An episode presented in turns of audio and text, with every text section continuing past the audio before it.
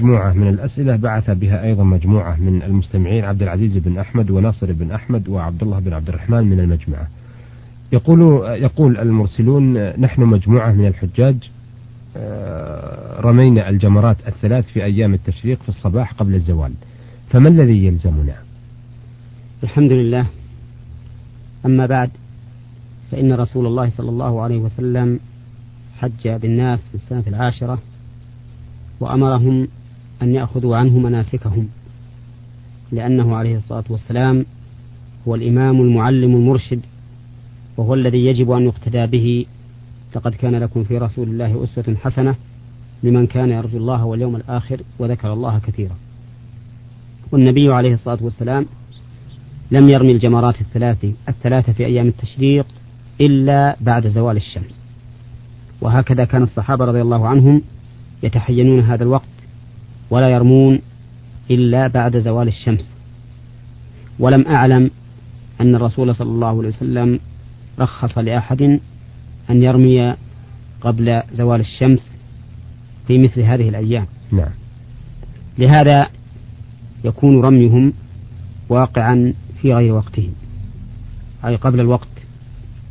والعبادة إذا فعلت قبل وقتها فإنها لا تجزئ. نعم. لا سيما وأن السؤال عليه متيسر فالعلماء هناك كثيرون ولو سألوا أدنى طالب للعلم لأخبرهم بما يجب عليهم في هذا الأمر. فيكون فعلهم هذا في حكم الترك كأنهم لم يرموا هذه الأيام الثلاثة. نعم. وعليه فيجب عليهم على حسب ما قاله أهل العلم في من ترك واجبا من واجبات الحج فدية أي ذبح شاة في مكة يوزعونها على الفقراء ولا يأخذون منها شيئا نعم. لأنها بمنزلة الكفارة. نعم. وبهذا يتم حجهم إن شاء الله. إن شاء الله تعالى. أه سؤالهم الثاني يقولون ما حكم من خرج من منى في اليوم الثاني من أيام التشريق بعد أن رمى الجمار الثلاث بعد الزوال؟ وبات في مزدلفة وعاد صباح اليوم الثالث من أيام التشريق إلى منى وجلس به قليلا ثم انصرف إلى البيت ووادع وخرج من مكة إلى أهله.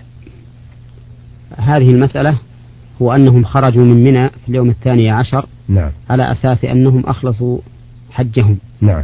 وأتموه. فرجوعهم بعد ذلك إلى منى في اليوم التالي لا يلزمهم المقام بها بل لهم أن يجلسوا فيها قليلا أو كثيرا ثم ينصرفون ويطوفون للوداع ويخرجون إلى أهليهم. نعم. نعم. أيضا يقولون مسلمة طافت طواف الإفاضة في الدور الثاني من الحرم وبعد أن طافت شوطين تعبت فقطعت الطواف وخرجت من مكة. أه يقولون هل يلزمها شيء؟ وهل تجبر حجها؟ هل عليها إعادته من قبل؟ نرجو الإفادة. إذا كانت هذه المرأة تعرف أنها تركت طواف الإفاضة لأنه في السؤال يقول إنها خرجت وأخشى أن يكون الذي تركت هو طواف الوداع. لا هم يقولون طواف الإفاضة لكن ما داموا قالوا طواف الإفاضة نعم. وهم متأكدون منه فمعنى ذلك أن حجها لم يتم حتى الآن. نعم. لأنه بقي عليها ركن من أركانه. نعم. وعليه فهي لا تزال لم تحل التحلل الثاني. فلا يجوز إذا كانت ذات زوج أن تتصل بزوجها حتى تذهب إلى مكة وتطوف طواف الإفاضة وفي حال رجوعها إلى مكة يرى بعض أهل العلم أنها إذا ذهبت إلى مكة من بلدها فإنها تحرم بعمرة أولا نعم. وتطوف وتسعى وتقصر العمرة ثم بعد ذلك تطوف طواف الإفاضة نعم. وفي هذه الحال إذا رجعت فورا بعد طواف الإفاضة هذا إذا رجعت فورا إلى بلدها فإنه لا يجب عليها أن تطوف طواف الوداع للعمرة لأنه في الحقيقة صار آخر عهدها بالبيت. آه طيب ألا يلزمها شيء؟ لأنها سافرت ولم تطف أيضا طواف آه الوداع. لأنها لو كانت تستطيع طواف الوداع لطافت طواف الإفاضة. في هذه الحال هي تركت طواف الوداع. نعم. ولكنها معذورة بالجهل. نعم. فيما يظهر لي أنها تجهل هذا الأمر. نعم. فإذا كانت معذورة في الجهل فالأمر في هذا واسع. ربما إنها أيضا تعبت تعبا جسميا لا تستطيع معه الطواف. لا راكبة ولا لا محمولة ولا ماشية. فإذا لم يكن عذر فإنه يجب عليها أيضا ما يجب على تارك الواجب في الحج فيما قاله أهل العلم وهو فدية تذبح بمكة. شاة وتوزع على الفقراء من غير أن يأخذ منها صاحبها شيئا. طيب إن شاء الله إذا سمعت هذه الحلقة وأدركت الذي يجب عليها ولم تذهب إلى مكة هل يلزمها شيء أو يبطل حجها أو مثلا تطوف طواف الإفاضة في العام القادم لا هي على كل حال الآن معلقة. نعم معلقة. الآن معلقة ما نعم. تم حجها. نعم. ولا تحللت التحلل الثاني بحيث أنه لا يجوز لها جميع ما يتعلق بالنكاح. نعم. من عقد أو مباشرة أو غيره.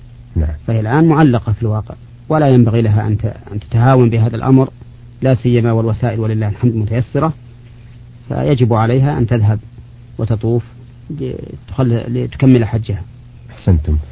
آه هذه الرسالة وردتنا من الدمام محمد صالح مصلح. يقول في رسالته السلام عليكم ورحمة الله وبركاته. وبعد فقد أدركت ركعتين مع الجماعة وبجانب أشخاص أدركوا ثلاث ركعات لكني سلمت معهم ناسيا وعرفت أنه قد بقي علي ركعة أيضا فقمت وأتيت بها وسلمت فقالوا لي اسجد للسهو. فقلت كيف أسجد؟ قالوا اقرأ التشهد مرة ثانية ثم اسجد للسهو ثم سلم وقد فعلت فهل أنا على صواب في ذلك؟ الحقيقة أن هذا ليس بصواب. لأنك لما سلمت معهم بعد أن أتيت بركعة نعم. وعليك ركعتان صرت مسلما قبل تمام صلاتك. والواجب على من سلم قبل تمام صلاته ثم ذكر أو ذكر الواجب عليه أن يتم الصلاة ثم يسلم ثم يسجد سجدتين للسهو ويسلم. نعم. وليس الواجب عليه كما قال له هؤلاء أن يتشهد ثم يسلم ثم يسجد للسهو هذا ليس له أصل. آه، لأنه قد أتى بالتشهد أولا. نعم. فلا حاجة إلى إعادته. نعم. هو آه، لم يعرف أنه يسجد للسهو فيما أعتقد في مثل هذه الحالة. على حسب رسالته. ولذلك سلم وأمروه أن يسجد. وأيضا قال كيف أسجد وأنا سلمت؟ فقالوا اقرأ التشهد. يمكن اجتهاد من آه، وعلى كل حال اجتهاد من خاطئ نعم نعم. اجتهاد من خاطئ فالواجب على على من سلم نعم. قبل تمام صلاته. نعم. سواء كان مسبوقا وسلم مع الإمام أو مع من شاركه في الإتمام كما هنا أو كان منفردا أو كان إماما. المهم أن الحكم الشرعي في من سلم قبل تمام صلاته أن يأتي بما بقي منها أولا ويسلم منه ثم بعد ذلك يسجد سجدتين للسهو ويسلم. نعم. وقد ثبتت هذه القصة في الصحيحين من حديث أبي هريرة أن الرسول صلى الله عليه وسلم سلم من ركعتين في الظهر أو العصر ثم ذكروه فأتى بما بقي من صلاته صلى الله عليه وسلم وسلم ثم سجد سجدتين وسلم. أحسنتم. آه يقول إذا كان السجود قبل السلام ولكن نسي الساهي وسلم فكيف يسجد للسهو؟ هذا أيضا أتيتم به. لا ما أتينا به. هذه مسألة جديدة. نعم. وهي أن الرجل إذا كان عليه سجود سهو قبل محله قبل السلام نعم. ثم سلم ونسيه. نعم. ففي هذه الحالة يسجده بعد أن يسلم ويسلم. لكن مكانه قبل السلام. مكانه قبل السلام. نعم. إيه؟ يقول أرجو الإجابة على أسئلتي كما أرجو توضيح عنوان مراسلة البرنامج. أما مراسلة البرنامج يا أخ محمد صالح مصلح فهي إذاعة المملكة العربية السعودية الرياض نور على الدرب. آه هذه رسالة من سلطان مناور التميمي من الرويضة. يقول السلام عليكم ورحمة الله وبركاته. وبعد السلام ورحمة الله. نرى كثيرا من المسلمين عند افتتاح الصلاة يرفعون أيديهم في تكبيرة الإحرام ويطيلون رفعها حتى تصل في بعض الأحيان إلى مدة قراءة الفاتحة. فهل هذا يوافق أحد المذاهب الأربعة؟ أو جاء في ذلك أو جاء ذلك في أثر عن الرسول صلى الله عليه وسلم؟ أو عن صحابته الكرام أو التابعين لهم بإحسان. نرجو توضيح ذلك لأننا لا نملك التوجيه في ذلك لقصر اطلاعنا في هذه الأمور. آه، لم يرد عن النبي صلى الله عليه وسلم في رفع اليدين أن تبقى هكذا كما ذكر السائل نعم. إلى قرب منتصف الفاتحة وإنما الوارد عنه صلى الله عليه وسلم أنه كان يرفع يديه إلى حذو منكبيه أو إلى فروع أذنيه. كما في حديث ابن عمر ومالك بن حويرث رضي الله عنهما. نعم. ثم إنه ورد عن النبي عليه الصلاة والسلام أنه كان يرفع يديه أولا ثم يكبر. فيرفع يديه حتى إذا انتهى في الرفع كبر. نعم. وورد عنه أنه يكبر يرفعهما حين يكبر. فيكون ابتداء الرفع مع ابتداء التكبير وانتهاؤه مع انتهاء التكبير. نعم. وورد أيضا صفة ثالثة أنه يكبر ثم يرفع يديه. وكل هذا هذه الصفات الثلاث أن يكون الرفع قبل التكبير أو بعده أو معه كل هذا جائز والأمر فيه واسع. ومنتهى الرفع كما أشرنا إليه إما المنكبان أو فروع الأذنين. نعم. هذا هو منتهى الرفع. لكنه مع ذلك لا يتأخر. كما ذكر السائل نعم. فإنه ليس في ذلك عن النبي صلى الله عليه وسلم سنة ثم إن محل هذا الرفع في أربعة مواضع في الصلاة عند تكبيرة الإحرام نعم. وعند الركوع وعند الرفع منه وعند القيام من التشهد الأول نعم. آه إذا آه، من ناحية أنه يرفع يديه ويطيل رفع اليدين هذا لم يرد فيه شيء نعم. أبدا نعم لا من الأئمة ولا من و- سبقهم. نعم لا من الأئمة فيما نعلم ولا من السنة أيضا نعم. حسب ما نعرفه منها. أحسنت ولهذا ينبغي أن يرشد من يفعل ذلك إلى ما هو سنة حتى يستقيم على الوجه الصحيح. هناك أيضا ما دمنا نتحدث عن رفع اليدين وعن حركة اليدين. هناك بعض المسلمين عندما يسلم آه، يتجه بيده آه، اليمنى. إلى جهة اليمين وي- ثم إذا سلم على الشمال أيضا يتجه بيده الشمال إلى جهة اليسار. هل هذا من شيء من الدين مثلا؟ هذا هذا له أصل لكن نهى عنه النبي عليه الصلاة والسلام. نهى عنه النبي عليه الصلاة والسلام. اللهم كان الصحابة. رضي الله عنهم إذا سلموا أشاروا بأيديهم نحو اليمين ونحو الشمال. نعم. ف... ورفعوها. فقال النبي عليه الصلاة والسلام ما لي أراكم رافعي أيدي أيديكم كأنها أذناب خيل شمس. ثم بين لهم أنه يكفي أحدهم أن يسلم عن يمينه وعن يساره. السلام عليكم ورحمة الله. السلام عليكم ورحمة الله. أحسنتم.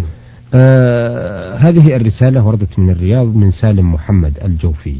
يقول في رسالته أرجو عرض سؤالي على فضيلة الشيخ محمد بن صالح العثيمين كما أرجو إذاعتها قبل رمضان. لأني سوف أعتمر فيه وإذا كان يلزمني شيء قدمته عندما أعتمر. يقول في سؤاله نحن مجموعة كبيرة من الحجاج حجينا مع صاحب سيارات وكان عددنا كبير وتعاقدنا معه ليقدم أكلنا بمقدار معين من النقود لكل شخص وقد فوضه بعضنا لشراء فدائنا فاشتراه وأحضره إلى المخيم في منى وقمنا بذبحه ثم طبخه وقدمه لنا وأكله من في المخيم فهل يجوز ذلك؟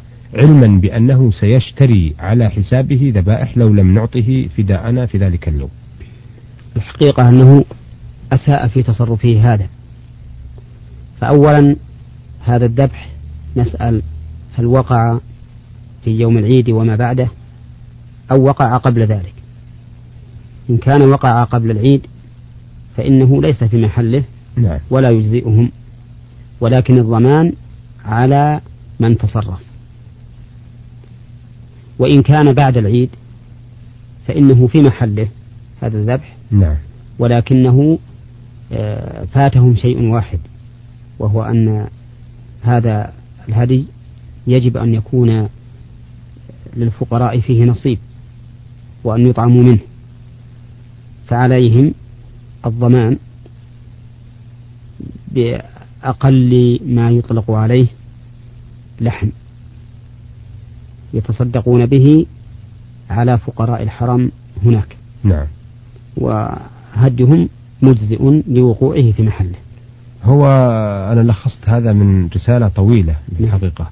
وهو يقول إنه وقع في اليوم الثاني من أيام التشريق وهم يريدون ألا يذهب اللحم في المنحر في منى لأنه قد لا يؤكل نهائيا. علما أن هذا المخيم فيه ضيوف وهؤلاء الضيوف ليسوا ممن يدفعون لصاحب هذا الذي أخذ مقاولة الطعام. فهل يلزمهم أيضا شيء؟ إذا كان هؤلاء الضيوف فقراء نعم. وأكلوا من هذا اللحم نعم. فأنا أرجو أن لا يكون به بأس. إن شاء الله تعالى. هذه رسالة وردت من تحمل عدة أسئلة ووردت من المرسلة الأخت هيفاء عادل من تبوك. تقول في رسالتها جاءتني العادة الشهرية في سن مبكر وعمري 13 سنة وجاء شهر رمضان ولم أصم طول الشهر لأني لا أقدر على ذلك وأستحي أن أخبر أهلي بذلك وفي السنة الثانية صمت شهر رمضان ولم أصم القضاء حتى الآن وأستحي أن أخبر أحد. بذلك ماذا أفعل؟ الآن بعد أن كبرت ومضى على ذلك الآن خمس سنوات أرجو إفادتي ما الذي علي وما الذي يجب أن أفعله. الذي ينبغي للمرء المسلم أن لا يستحي من الحق. فإن الاستحياء من الحق جبن وخور. نعم. والواجب على المسلم أن يكون قويا شجاعا في دينه لا سيما فيما يتعلق بمثل هذه الفرائض العظيمة. وكان الواجب عليها أن تصوم قضاء رمضان أن تصوم قضاء رمضان في سنتها ولكن نظرا إلى أنها فرطت إلى هذه السنة فإن عليها أن تتوب إلى الله سبحانه وتعالى وتعرف أنها أصابت ذنبا فتندم تلح بالدعاء إلى الله سبحانه وتعالى أن يكفر عنها ما مضى ثم تقضي هذه الأيام التي عليها نعم. إن شاءت قضتها متفرقة. وإن شاءت قضتها متتابعة لأن الله سبحانه وتعالى حين أوجب قضاء رمضان قال فعدة من أيام أخر. نعم. فعدة من أيام أخر ولم يقل متتابعة ولم يقل مثل رمضان. وأما من أوجب القضاء متتابعا فإنه لا دليل له لأن التتابع في أداء رمضان إنما وجب ضرورة كونه في رمضان. نعم. وأما القضاء فأمره واسع. فللإنسان الذي عليه القضاء أن يؤخره حتى يبقى من شعبان بقدر ما عليه. نعم أحسنتم. أه سؤال هيفا الأخير. تقول ما حكم الكشف عند الدكتور مثل لحاجة ماسة للعلاج للمرأة التي لم تنجب كشف غير الوجه مثل العورة والزوج يعلم بذلك؟ آه لا بأس. أن المرأة تكشف عند الطبيب ما تدعو الحاجة إلى كشفه نعم. من العورة فما دونها. لكن نقول ما تدعو الحاجة إلى كشفه بحيث تكون محتاجة إلى هذا الكشف. ولا يوجد نساء طبيبات يقومن بهذا الواجب أو بهذا العمل.